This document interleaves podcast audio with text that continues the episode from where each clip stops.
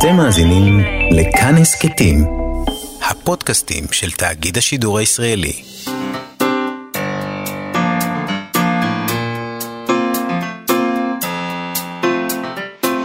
מה שכרוך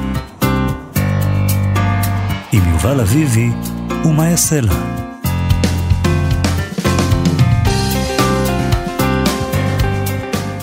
שלום, צהריים טובים, אנחנו מה שכרוך בכאן תרבות, מאיה סלע ויובל אביבי, מגזין הספרות היומי שלכם ב-104.9 ו-105.3 FM. גם ביישומון של כאן או באתר של כאן אפשר לשמוע אותנו, וכהסכת ביישומוני ההסכתים החביבים עליכם. איתנו באולפן מפיקת התוכנית תמר בנימין, על הביצוע הטכני אלעד זוהר. שלום לשניכם, שלום מאיה סלע. שלום לך יובל אביבי, אנחנו נדבר היום עם עודד וולקשטיין, שספרו החדש, אקדמיה לתינוקות, ממשיך את מסורת ספרות האימה שהוא אוהב, אה, ושאנחנו אוהבים לשמוע אותו מדבר עליה. בכלל אנחנו אוהבים לשמוע אותו, בוא נודה. כן. Uh, אבל כמובן שיש בספר הרבה יותר מזה, בעיניי זה אפילו איזשהו כיוון חדש באיזשהו אופן, uh, וכמובן שתמיד, מבחינתי, במרכז כל הדברים אצל וולקשטיין, לא משנה הסוגה שאנחנו אוהבים לדבר, אימה וזה, uh, ניצבת הלשון. אני חושבת להגיד משהו אולי קצת אוקיי, קיצוני אולי? או-אה, או-אה, אוקיי. אף אחד כן. לא כותב כמו עודד וולקשטיין. לא קיצוני, אין דבר נכון. כזה. אין עברית כזאת, אין התעלולים האלה שהוא עושה שם, זה פשוט תענוג לקרוא את זה. זה נכון וזה מאוד קשור לעניין הזה של הלשון, זה העניין אצלו, כי גם בסבך, הספר, אה, ספר הפרוזה הראשון שלו, וגם כאן, חלק מהאימה, הוא לא, זה לא סיפור אימה, אי אפשר להגיד שזה סיפור אימה, יש שם אלמנטים של אימה, אבל חלק מהאימה של הקורא, הוא שאתה מתגלגל בתוך הסבך של הלשון של, אה, של אה, עודד וולקשטיין. חלק מהאימה היא... אה, ש- שהכל קורה אצלך בפנים, אתה מבולבל, אתה לא ברור לך הרבה פעמים איפה, את שלל המטאפורות וה, והמשחקים שלו, אז חלק מהעניין הוא באמת הסבך שבו אתה מצוי כקורא. נכון. אז אנחנו עוד מעט נשמע את ה... נהיה מאוימים על ידי עודד וולקשטיין, וזה יהיה לנו נעים. וזה יהיה כיף בדיוק. אנחנו נדבר כאן גם עם עמיתנו לכאן תרבות, מגיש התוכנית פופ-אפ, אלעד בר-נוי, בפינתו אלעד international, שבה הוא מספר לנו על ספרים שמגיעים מעבר לים, והיום אנחנו נדבר בעיקר על הנתניהוז של ג'ושוע כהן, שכבר זכה לתשבחות מעבר לים, אה, והאמת שאני מודה שאני מתה כבר שיתרגמו אותו. אבל אני לא בונה על זה, אז אני, אני זוממת לקרוא אותו באנגלית, אבל אה, קודם אני פשוט אה, שלחתי את אלעד, הנסיין שלנו. גשושית. הגשושית שלנו, אם הוא ממליץ, אני אקרא, אם הוא לא ממליץ, אני די סומכת עליו. אז עוד מעט נשמע מה הוא אומר על זה. טוב, אבל לפני כל אלה, כמדי שנה לקראת uh, שבוע הספר, הספרייה הלאומית מעבירה נתונים מעניינים על הספרים שיצאו השנה. יש להם דוח שנתי, שאומרים כך וכך ספרים יצאו, וכולי וכולי. השנה כמובן זה מעניין במיוחד, כי זו שנת קורונה, זה הנתונים של 2020, השנה שבה התהפך עלינו העולם, גם העולם הספרותי. נכון, אז הם מספרים לנו למשל שבשנת 2020 יצאו לאור כ-2,000 ספרים פחות מאשר ב-2019, ושלראשונה יצאו לאור יותר ספרי שירה מפרוזה. אז על זה אני רק יכולה לומר הללויה. אה, השמחה קצת מוקדמת, רגע. אז זה, לא יודעת, זה נראה לי, אז זאת הכותרת שלהם, עוד מעט נפרט, אבל זה נראה לי כמו הסדר הנכון של הדברים בכל מובן, אה, שיהיו פחות ספרים ותהיה יותר שירה. אה, מלכת האומנויות זה שירה. כן. קום אילפו. אז ככה, אה, בשנת 2020 יצאו לאור בישראל רק 6,487 ספרים. אה, 87 ספרים, יש לומר, נכון? מהמם. בניגוד ל-8,571 ב-2018. מהמם. אנחנו נדלג... אנחנו- 2019. 2019, סליחה, מגמה מבורכת, בהחלט. כן. אה, גם אם הנסיבות הן אה, מאוד מאוד גרועות, כלומר, אנחנו לא מעוניינים שזה יקרה ככה עם קורונה, היה לנו מספיק. כן. אה, עם זאת, הם מציינים שספרי העיון מהווים את הסוגה שהכי נפגעה, למעשה החלק היחסי של הפרוזה והשירה גדל דווקא השנה. אה, באופן מפתיע מאוד, בפרוזה ובשירה יצאו השנה 1,813 אה, ספרים, לעומת 1,750 בשנה שעברה. אה, עם כל העצירה של הקורונה, פורסמו פה יותר ספרי פרוזה ושירה מאשר בשנה קודם לכן, אה, אז, אז כן, יכול להיות שהם יערנו לברך. איך- אתה מסביר את זה? טוב, יש לזה כמה הסברים, שוחחנו עם כל מיני אנשים ש... גם בעולם המו"לות הופתעו אה, לשמוע את הדברים האלה, אנשים ששוחחנו איתם.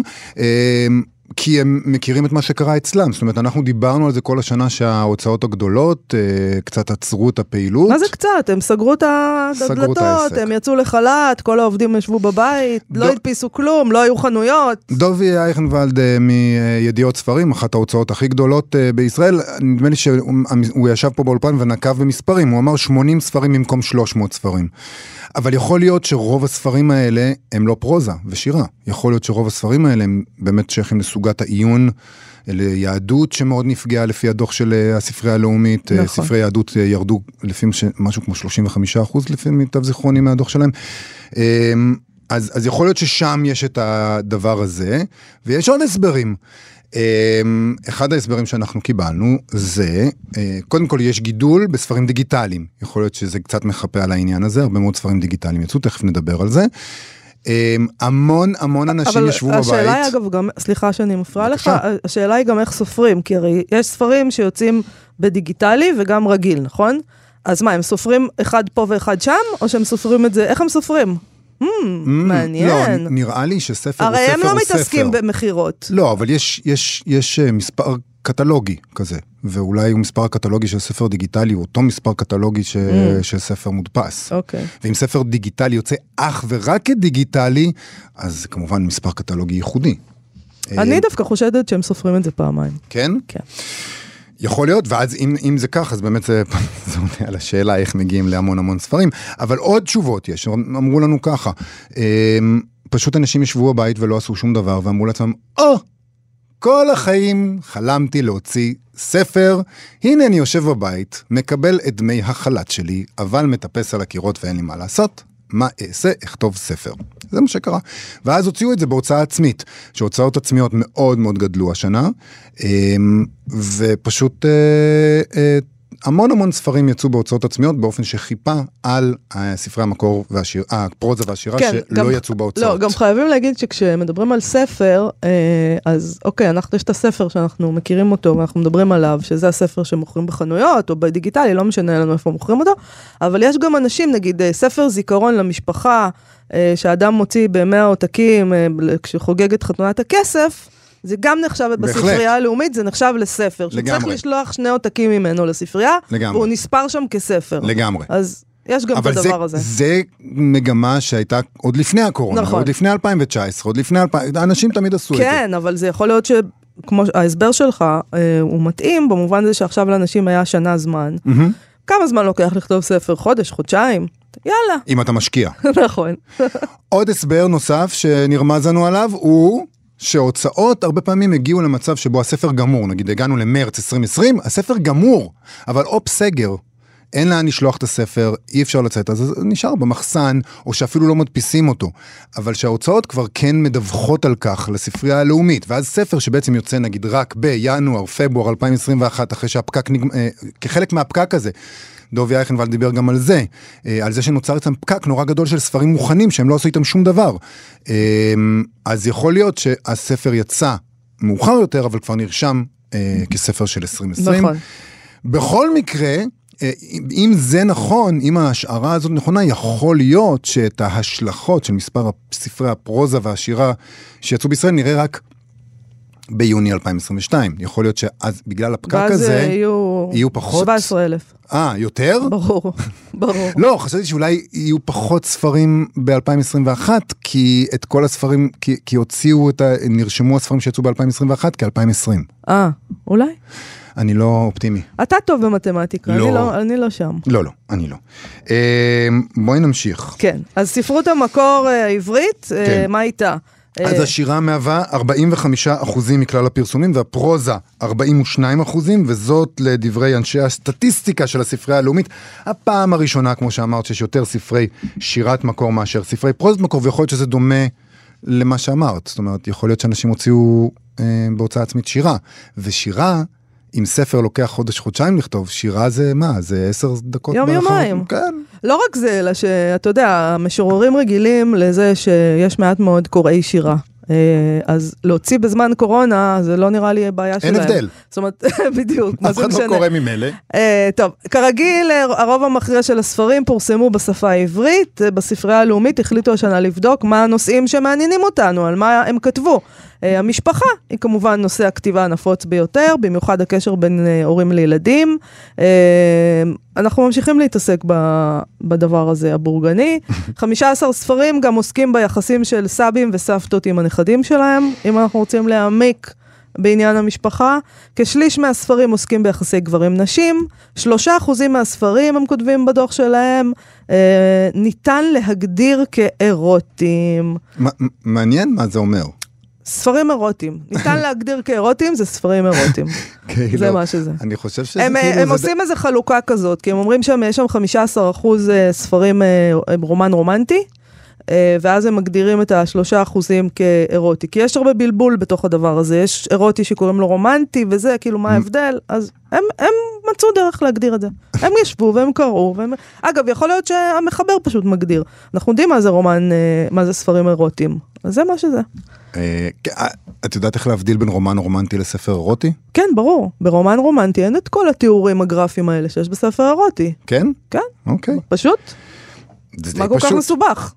את יודעת, כל העסק של מין... קצת common sense. אתה כל- במתמטיקה, אני ב-common sense. ואתה יודע כל מה העסק יותר של מין משתלם. הוא מסתורי מאוד בשבילי. כן, אני יודעת. אני אה, עדיין תקוע אי שם בגיל אוקיי. החביון. אז אה, תצא מזה לאט לאט. לאט לאט, יש לי עוד איזה כמה שנים טובות. אה, ועכשיו נצא מהטיפול הפסיכולוגי שלי בחזרה לנתונים.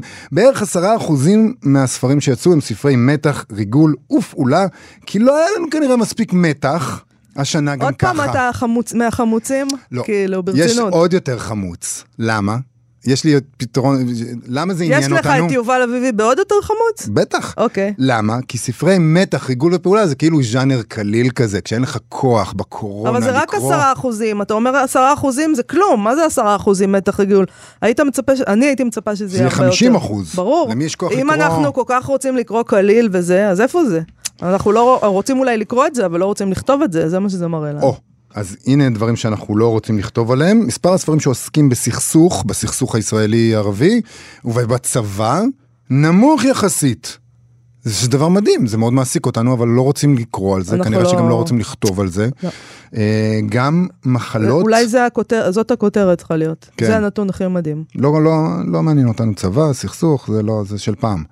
וגם מחלות, חוץ מהקורונה, שתכף נתייחס לזה, לא כל כך מעניין אותנו, למרות שאת יודעת, בשנים האחרונות דיברנו על זה, יש המון עיסוק בדמנציה, נגיד דמנציה וזקנה, כן, האם זה אבל כשאנחנו? כשאנחנו אומרים אה, המון עיסוק, אז אתה מונה. חמישה ספרים, זה המון עיסוק. בדיוק. מה, חמישה ספרים זה המון. ראית שמצאו אה, אולי כנראה תרופה לאלצהיימר? לא. אתמול הייתה כותרת כזאת, ואני ממש הייתי נרגשת, אני חייבת להגיד. זה דבר מאוד נהדר. שימח אותי. זה לא בדיוק תרופה למה שכבר היום חמור, אבל אה, זה יכול למנוע הידרדרות. זאת אומרת, לנו זה אולי יעזור, בדיוק. שזה מה שמעניין אותי כמובן. אותי זה, יש דברים אה, יש אחרים דברים שמצערים מעניינים. אותי שזה לא יכול לפתור, אבל זה מאוד משמח שזה קרה. הצליחו למצוא דרך לפורר את החלבון הזה שמצטבר במוח. מר, מרגש. זה מאוד מדהים. כן, זה מאוד מדהים. אי אפשר להגיד שהם לא עובדים על זה. נכון. הם יושבים ועובדים ומנסים לפתור את בעיות, וזה לוקח יותר זאת זמן. פריצת דרך, זאת זה לוקח הכותרת. יותר זמן מאשר לכתוב ספר שירה בוודאות. נכון, נכון. אה, עוד דבר שלא מעניין את הכותבים והקוראים כנראה זה זהות מגדרית, אולי עדיין לא, אולי כמו ה... אני רוצה לומר משהו. אנחנו, אה, אה, אנחנו חייבים לסייג, כי אנחנו אומרים לא מעניין את הכותבים. יש כאן ספרים שיצאו והם מחויבים בדיווח לספרייה הלאומית. אה, יכול להיות שזה לא מעניין את ההוצאות, למה, לא, למה אתה אומר שזה לא מעניין את הכותבים? מאוד אולי להיות. יש המון אנשים שכתבו דברים מהסוג הזה, על זהות מגדרית, אז שיוציא- ונדחו בהוצאות הספרים. אז שיוציאו בהוצאה עצמית, זה לא בדיוק הסיפור לא- של השנה. לא, אבל הם לא אז רוצים הם משאירים את זה להוציא. במגירה? אז הם מחכים, הם מנסים, הם כאילו, אתה מבין? זה כאילו שיפוט כזה של החברה פתאום, של זהות מגדרית לא מעניין אותנו. אולי המול, את המו"לים זה לא מעניין. יכול להיות, גם אם זה המו"לים שהם האבן הנגב, נקף של הדבר הזה, אולי המעצור של הדבר הזה, אמ, גם הם קצת מעוכבים, כי נגיד בעולם מאוד מו"לים מאוד מאוד מתעסקים עם הדבר הזה, כי זה מאוד מעניין טוב, היום. אנחנו, זה לא הדבר היחיד שאנחנו מעוכבים בו, אז... נכון, נכון, אנחנו תקועים במשפחה הבורגנית. Uh, טוב, אין לנו, אנחנו חייבים להתקדם, יש לנו עוד המון דברים לדבר עליהם. יש את הקורונה, אמרנו המחלות לא, אבל קורונה כן, 69 ספרים מודפסים יצאו לאור בשנת 2020 שעסקו במגפה, 25 מהם ספרי ילדים כמובן, כי צריך לתווך להם, ועוד, זה נתון סופר מעניין, 25 ספרי יהדות והלכה בהקשר של הקורונה. כן. היו? כנראה, היו שאלות בטח אה. הלכתיות. אה, מעניין שבספרייה הלאומית טוענים כי בהוצאות לאור, שהן הנפגעות העיקריות, אה, הן ההוצאות הקטנות ומכוני המחקר. לגבי מכוני המחקר, העובדה שהם פעלו במתכונת מצומצמת אה, יכולה להסביר מדוע יצאו לאור מעט ספרי עיון, אבל לגבי ההוצאות הקטנות, אנחנו לפחות יודעים שהם אומרים שהם נפגעו דווקא פחות מהגדולות, אבל אולי הם מתכוונים להוצאות קטנות אחרות מאלה שאנחנו מתכוונים אליהם. ויש את העניין הזה של הספר הדיגיטלי, כמובן. הספר הדיגיטלי, 799 ספרים דיגיטליים נרשמו בספרייה הלאומית, וזאת כשהם כותבים שם שטרם נקלטו כל הספרים הדיגיטליים משנה זו, זאת אומרת יכול להיות שהמספר הוא עוד יותר גדול. בדיגיטל יש הרבה מאוד ספרות עיון, זאת אומרת כל ספרי העיון שלא יצאו אולי בהוצאות uh, הגדולות, שירד מאוד האחוז, כמעט 70 אחוזים uh, יצאו שם, שזה הגיוני, וגם מאוד הגיוני שיש שם מעט מאוד ספרות ילדים, רק 8 אחוזים, כי ילדים פחות קוראים בטאבלט. Uh, מבין הספרים הדיגיטליים, הקורונה נפוצה אפילו יותר, 135 ספרים דיגיטליים עסקו במגפה, רובם ספרי מחקר ומדיניות של גופי מחקר. טוב, אז זה לא הדברים שאנחנו קוראים להם ספרים פשוט, אתה מבין? כשיש אה, גוף מחקר שמוציא איזה דוח, אז הם קוראים לזה ספר. וזה זה הבלבול גם עם, הכמו, עם המספרים שלהם. אה, יש שם, אה, יש עלייה של 73 אחוזים בשנת 2020 בפרסום ספרים דיגיטליים, שזה המון, 73 אחוזים. אה, טוב, זה הקורונה, דיברנו על זה כבר אה, הרבה, צריך לראות אם זה יימשך, אם המגמה הזאת תימשך. נכון. אה, זאת אומרת, צריך- אולי אנשים אמרו, אה, אוקיי, התרגלתי לקרוא בדיגיטלי ואני מעדיף את זה. אני, אני מסמן לעצמי גם לז, לבדוק, לזכור את העניין הזה ב-2021, אני אשכח את זה מחר, זה בטוח. כן, ממש תזכור. אה, האם, מה- האם, האם באמת, אה, אם גם ב... תכתוב ביומן, לעוד שנה, ל- ליוני וזה 21, יקפוץ לנו. 22? לא, זה עין הרע, אל תעשה את זה. בסדר גמור, אני לא אעשה את זה. טוב, בסדר, אנחנו נצטרך להמתין. בכל מקרה, מאוד מעניין ונחמד מאוד לראות ששום דבר לא עוצר את אהבת הכתיבה אה, של הפרוזיקנים, פרוזאיקונים הישראלים. הישראלים ומשוררי הישראלים.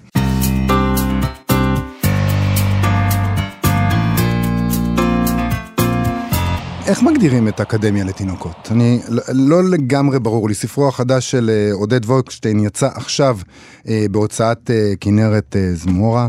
אה, סדרת רוח צד. רוח צד. דביר, דביר, למען האמת. דביר, כן, דביר, זה מאוד מבלבל. הכל שם יש להם קונגלומרט של הוצאות, כן. נכון. תשמעי, אפשר למצוא שם די בקלות אה, רמזים לחייו האישיים. יש שם מרצה לספרות כמוהו, יש שם טיול ביער, שזה משהו שאנחנו כבר מכירים מהכתיבה שלו, אבל אה, אנחנו מש- משייכים, ולא רק אנחנו, משייכים את הספר הזה לז'אנר האימה. ואולי האימה בספר הזה היא בעיקר פנימית, אנחנו יוצרים אותה באמצעות סבך של שקרים וחצאי אמיתות, ו... וגם, כמו שאמרנו מקודם, אולי באמצעות הסבך של המילים שהוא מייצר, אנחנו ככה נכנסים לאימה.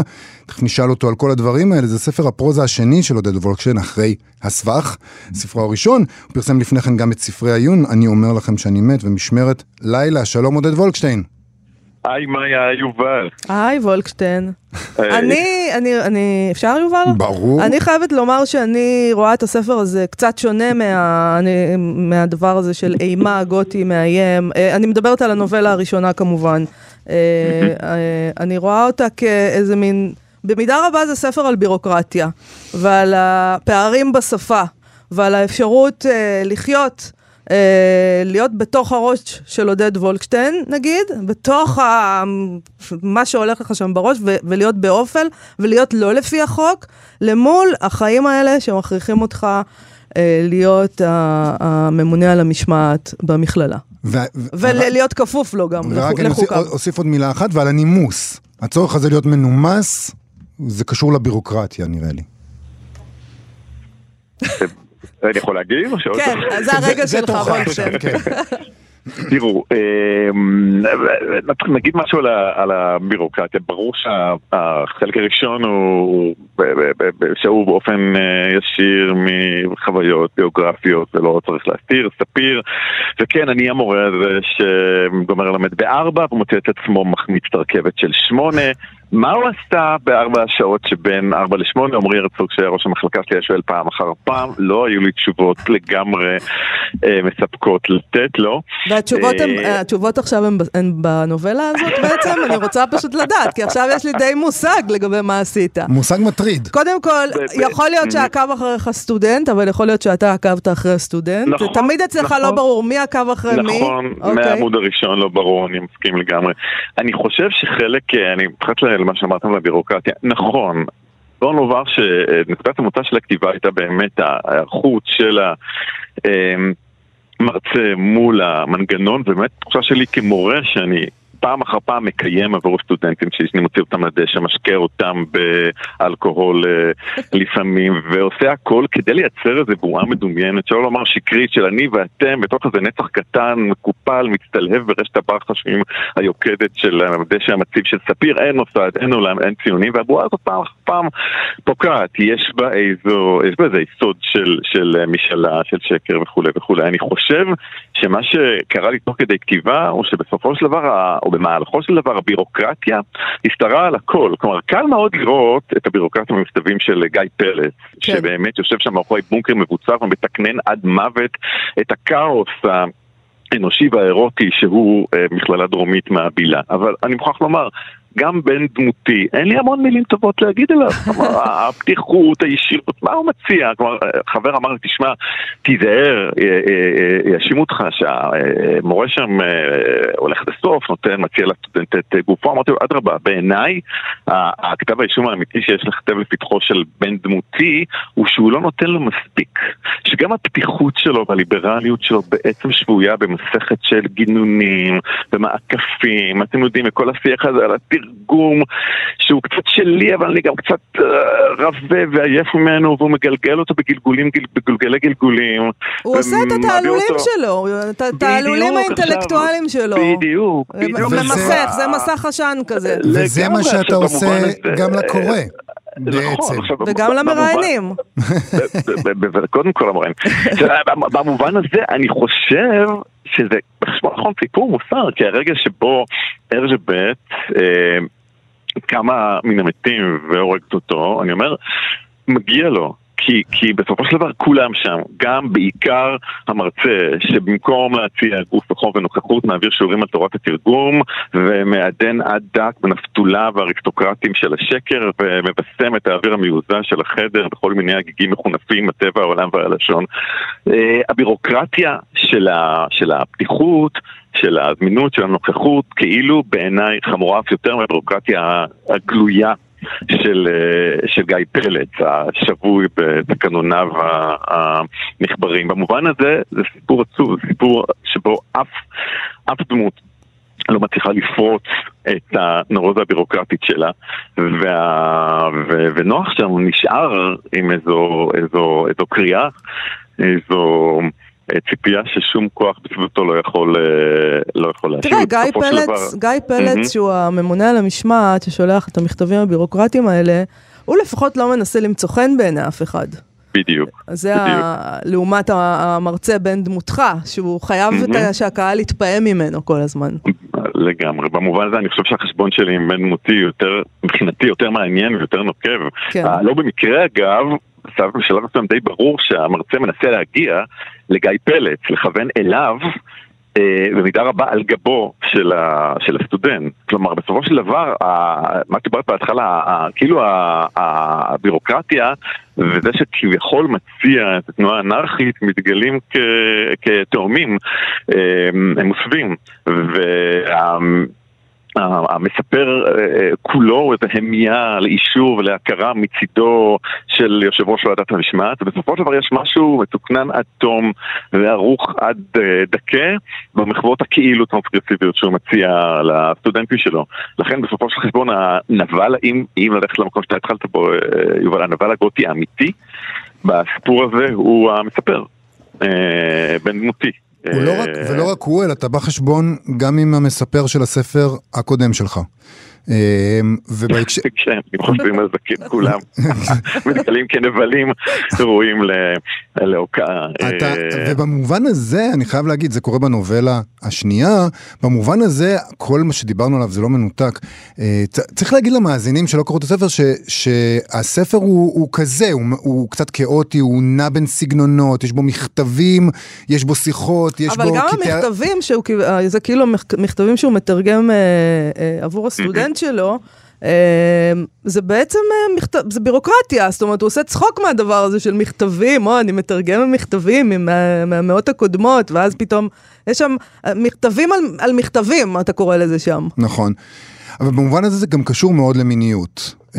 כי מה שאתה מאשים את ה... קודם כל, מה שקורה בין, בין המרצה לבין הסטודנט הוא, הוא אירוטי, ואתה מאשים בעצם... מה זאת אומרת אירוטי? הם, הם שוכבים. הם שוכבים. עושים סקס. כן, הם, הם עושים סקס. לא, אני, אני לא רוצה שזה ישוייך לז'אנר הספרות האירוטית, אה, או אוקיי, משהו כזה. בסדר.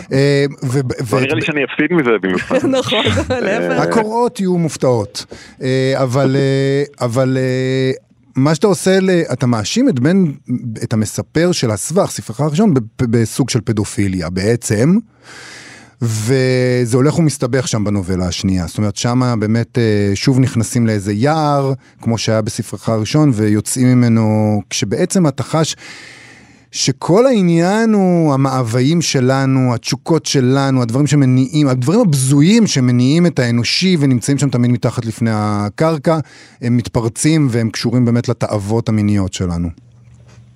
או, או באמת לאיזה סבך של תמיהות ומבוכות שקשורים ביחסים בין מורים לתלמידים, הורים וילדים, מקום שככל שאני משתקע בו בצורותיו השונות אני מבין אותו פחות ופחות. ברור לי לגמרי שכל הניסיון האתי של ימינו לנקות את המרחב הזה ולהפוך אותו לאיזה סיפור מוסר, רועם ומבואר ממורכבויות, רק עדות לעד כמה הפצע הזה פועם ומודלק ואני רוצה, אני רוצה לחטט בו, אני מרגיש יותר ויותר שהדרך היחידה שלי להמשיך לאכלס את המקומות האלה, במקום הזה הוראה, הורות, הם, הם היבטים שונים של אותו עניין.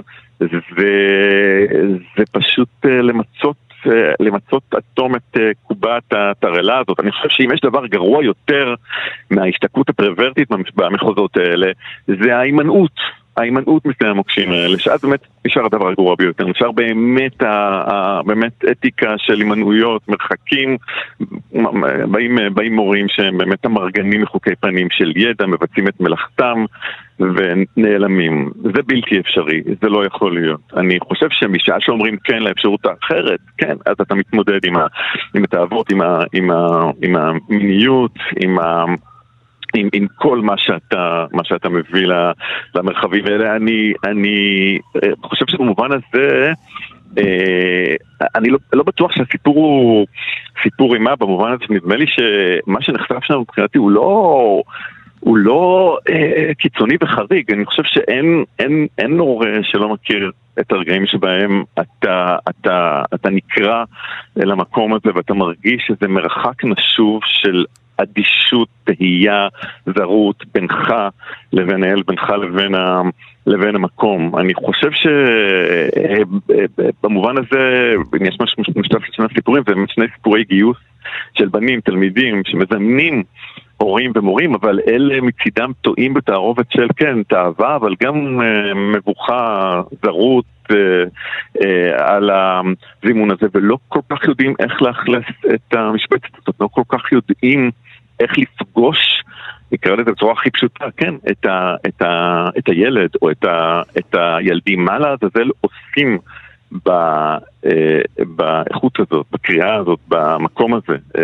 ובשני בשני, בשתי הנובלות, אתה, גם הקורא שמנסה אה, למקם את הדמויות במקומות האלה, הוא יהיה לו מאוד קשה, כי הרבה פעמים לא ברור לך מה אמת ומה שקר. זאת אומרת, חלק מהדברים שנאמרים מתגלים אחר כך כמדומיינים, או כשקריים, בשני המקרים אתה אומר, אתם חושבים ש...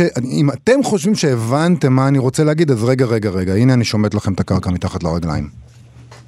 תראה, במובן הזה אני תראה רגע באילן גבוה, סטיבן קינג פעם אמר על uh, uh, סיפור אימה, אתה אמ, אמ, צריך להיות שם בתור מספר אה, מהימן ואמין, אתה מושיט יד לקורא, אוחז בידך, ואז אתה מוליך אותו לבטח אה, במחוזות של אה, חושך, ואסור לך לשמוט את ידו, כי כרגע אתה, אתה המוליך, אתה המדריך, אתה הנציג של החשיכה שמבטיח גם בעצם הופעתך שיש גם איזה אופק של אור בקצה המסע. אני יותר ויותר נוטה לקרוא, ואולי גם לכתוב סופרים שמפרים את החוזה הזה. כן, תן לי יד, הכל יהיה בסדר, בוא ניכנס, ואז ברגע המכריע שהקורא זקוק לך יותר מכל, אתה שומט את ידו. לא כי אתה רוצה אגב, הרי זה קורה לנו עם הבנים, ילדים שלנו, עם המורים. זהו, זה בדיוק, זה מה שאתה לא מנסה מה- להגיד, שזה מה שקורה לנו עם הילדים שלנו ועם נכון, הסטודנטים שלנו. עם כולם. שומט את ידם. לא- זה לא מהלך מכוון, באיזשהו אופן, ברגע שבו אתה נחוץ יותר מכל, אתה, אתה שומט את ידו של ה...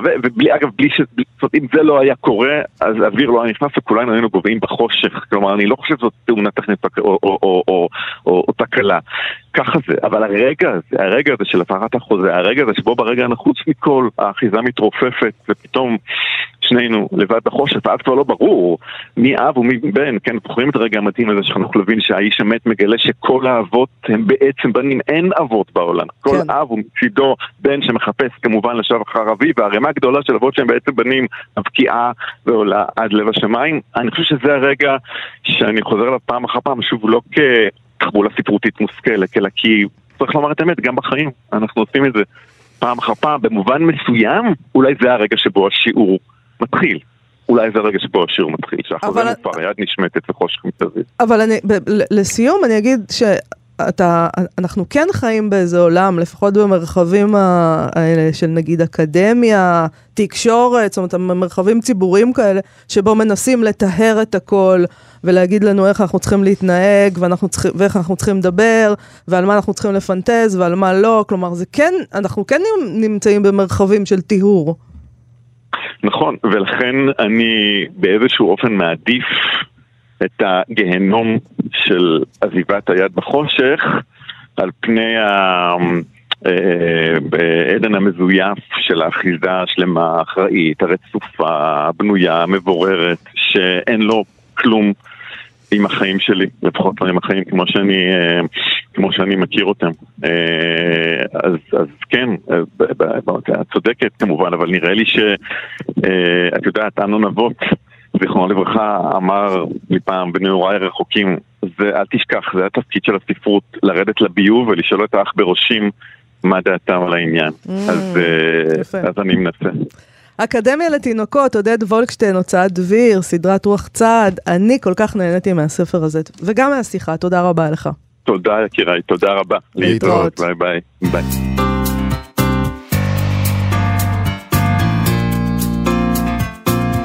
שלום גם לאלעד בר-נוי international, עורך ומגיש פופ-אפ שמשודרת אצלנו מדי שבוע ביום חמישי. אהלן, תקשיבו, להעלות אותי אחרי עודד וולקשטיין זה ממש לא הוגן. הוא היה נהדר, נכון? כן, אבל זה ממש הכשלה, אני לא יודע מה לעשות עכשיו. אתה תראה שאתה עומד בסטנדרט הזה. אתה, חשבנו על זה טוב טוב. Uh, אתה מספר לנו uh, על- בדרך כלל ספרים שעוד לא תורגמו לעברית, והיום uh, יש לך ספר שאנחנו מחכים לשמוע עליו כבר כמה זמן, הנתניהוז. כן.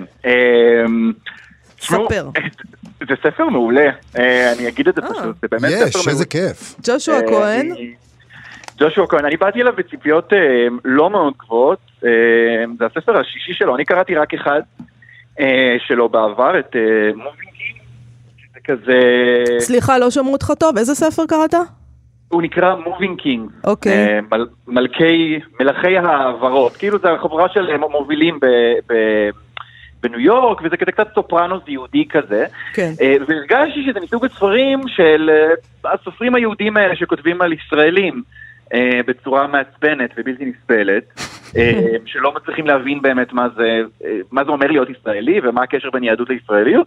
אה, היחיד שהצליח לעשות את זה אה, בעיניי זה היה פיליפ רוט, ואני אבוא ואומר שאני חושב שג'ושוע כהן אה, אה, מגיע לרמתו בספר הזה. Mm, אה, כותב פשוט מצוין.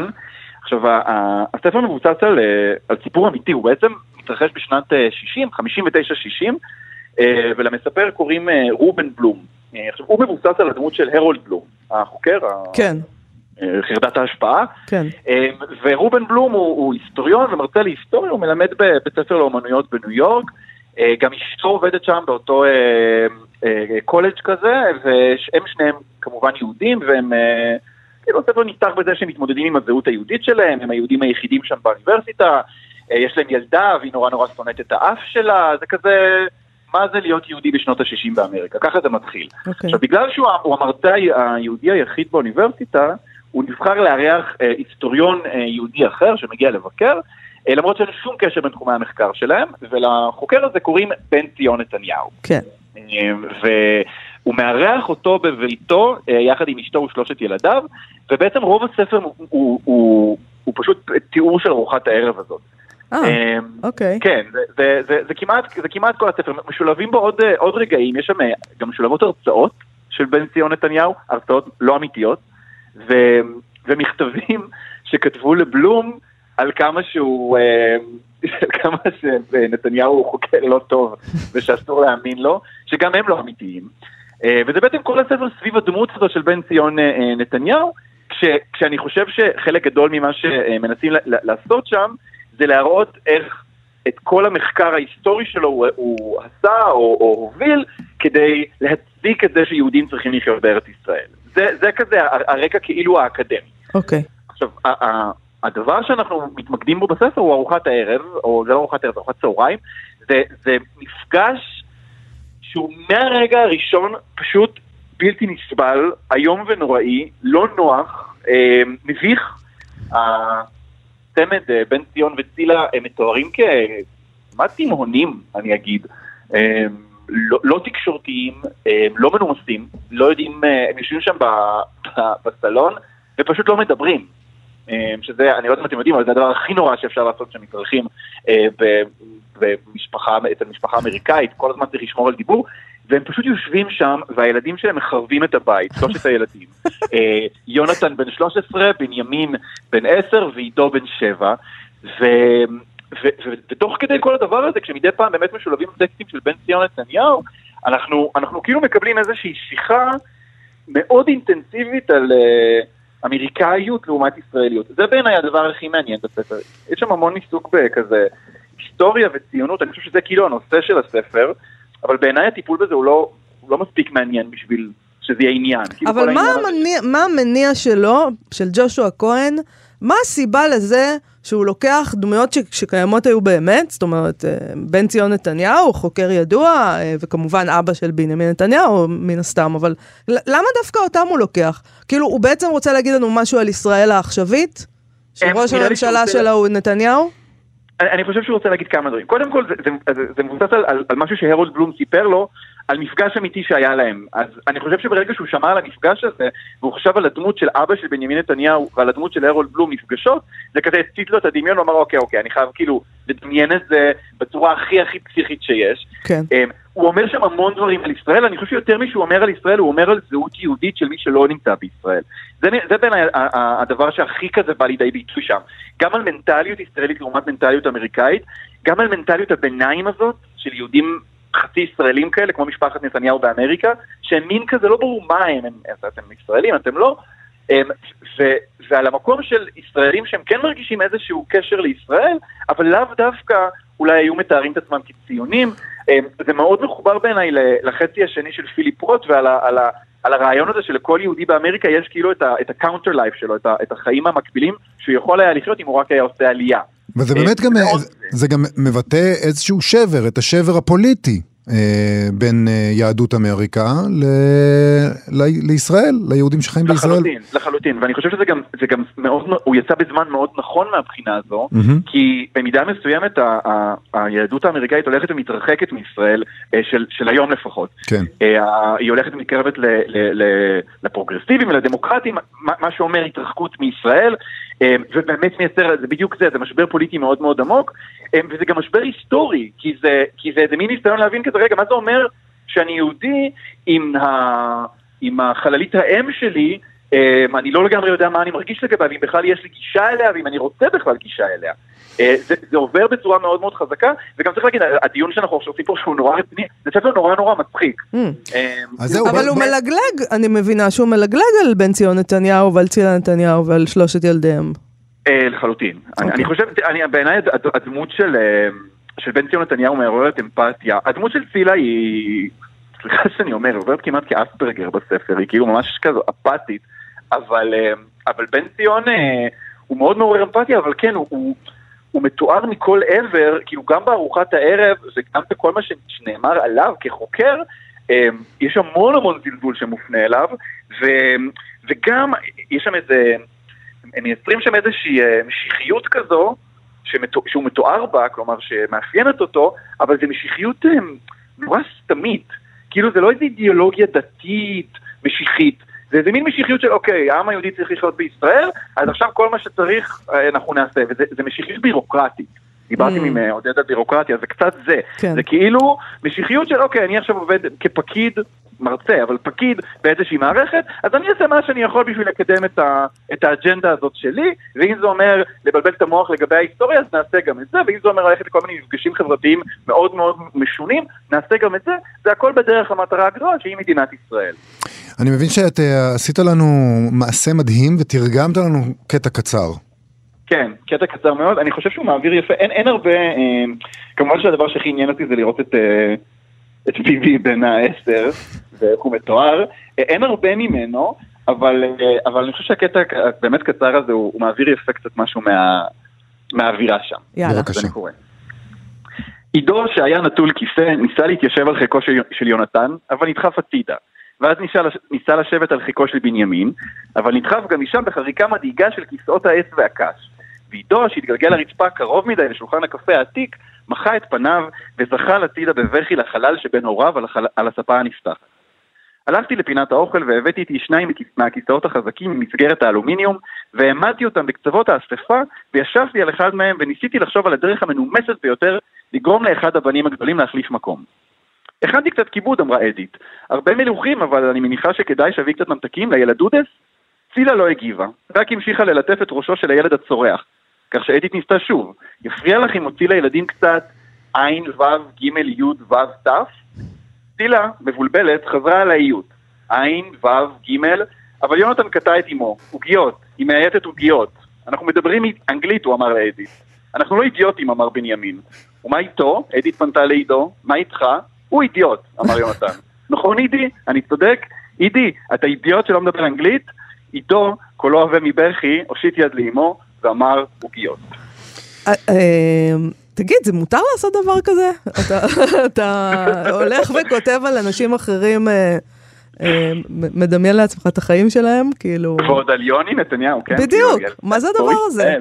לא, גם מה זה נתניהו? מחר מישהו יחליט לכתוב על המשפחה שלי, מדמיונו אמנם, אבל זאת מה יעשה לה, וזה אבל הם אבא כותבים שלה, וזה אמא בהתחלה, שלה. הדמויות לא מבוזות, נו, לא, אין. קשר למציאות, זה... זה- אני מניחה שזה אה, עבר את כל עורכי הדין לענייני זכויות יוצרים, מניח אבל... שמשפטית זה בסדר מה שהוא עושה, אני מודה שה...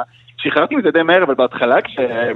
כשיוני עובר, שם כדוש, זה ממש לא נעים להגיד את זה, אבל הוא באמת עובר כדוש.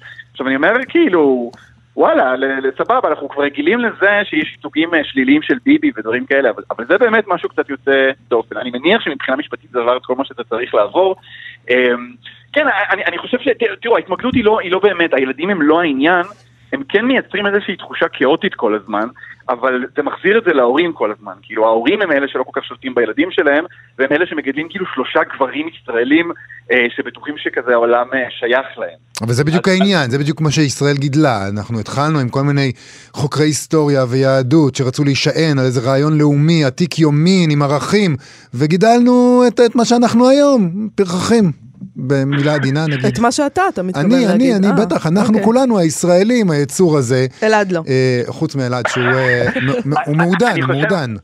אני חושב, אה, יובל, אני חושב, שה, אני חושב שהמילה, אני חושב שהדבר שהכי אה, אהבתי לראות כאן, זה כאילו ישראל מתוארת כאיזה מין מערכת אה, באמת בירוקרטית מאוד מאוד גדולה, שנפרסת ב- בכל העולם והרבה ממנה גם באמריקה, ואנחנו פשוט רואים באמת את הפקידים שלה בכל מקום. ו... והמשפחה הזאת היא באמת, היא, היא, היא לא מתוארת כאיזה משפחה אה, ממש כזו שרוצה להשתלט על העולם, וגם באמת, שוב, לא איזו אידיאולוגיה גדולה, אבל הם פשוט עושים את העבודה שלהם בצורה הטובה ביותר. הם חלק מהמערך הזה שנקרא מדינת ישראל. הסברה. הם מאמינים בו, זה פשוט עובד ככה, וזה דווקא מצא חן בעיניי, היה בעצם משהו, אה, לא יודע, מאוד כן ביחס כזה לאיך שפוליטיקה עובדת ברחבי העולם. כן. אלעד, אנחנו עוד מעט חייבים לסיים, אבל אני רוצה לשאול אותך, אתה חושב שזה יתורגם לעברית? אה, אני חושב שקראתי בריאיון שהוא אמר שלא. אהה. אה, נראה לי שזה יעורר אה, תגובות לא קלות אה, אצל קוראי העברית. יכול להיות שאם ביבי לא יהיה ראש ממשלה, אז הם יעיזו אה, לתרגם את זה. האמת שאני לא בטוח שזה תלוי רק במה רוצים פה, אלא גם יכול להיות שג'ושוע כהן בעצמו לא רוצה שיתרגמו את זה. לעברית. אני, אני, אני לא משוכנע.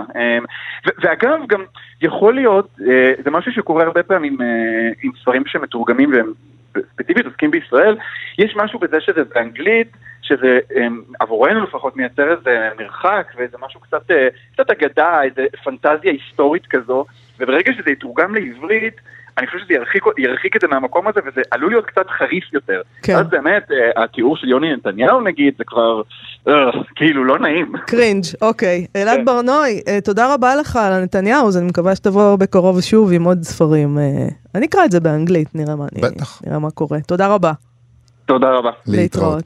יובל, אנחנו צריכים לסיים להיום. כן. אנחנו נגיד תודה למפיקת התוכנית שלנו, תמר בנימין, ולאלעד זוהר, שהיה על הביצוע הטכני. נזמין אתכם ואתכן לבקר בעמוד הפייסבוק שלנו ובעמוד הפייסבוק של כאן תרבות, ואנחנו נהיה פה שוב מחר. להתראות. להתראות. אתם מאזינים לכאן הסכתים, הפודקאסטים של תאגיד השידור הישראלי.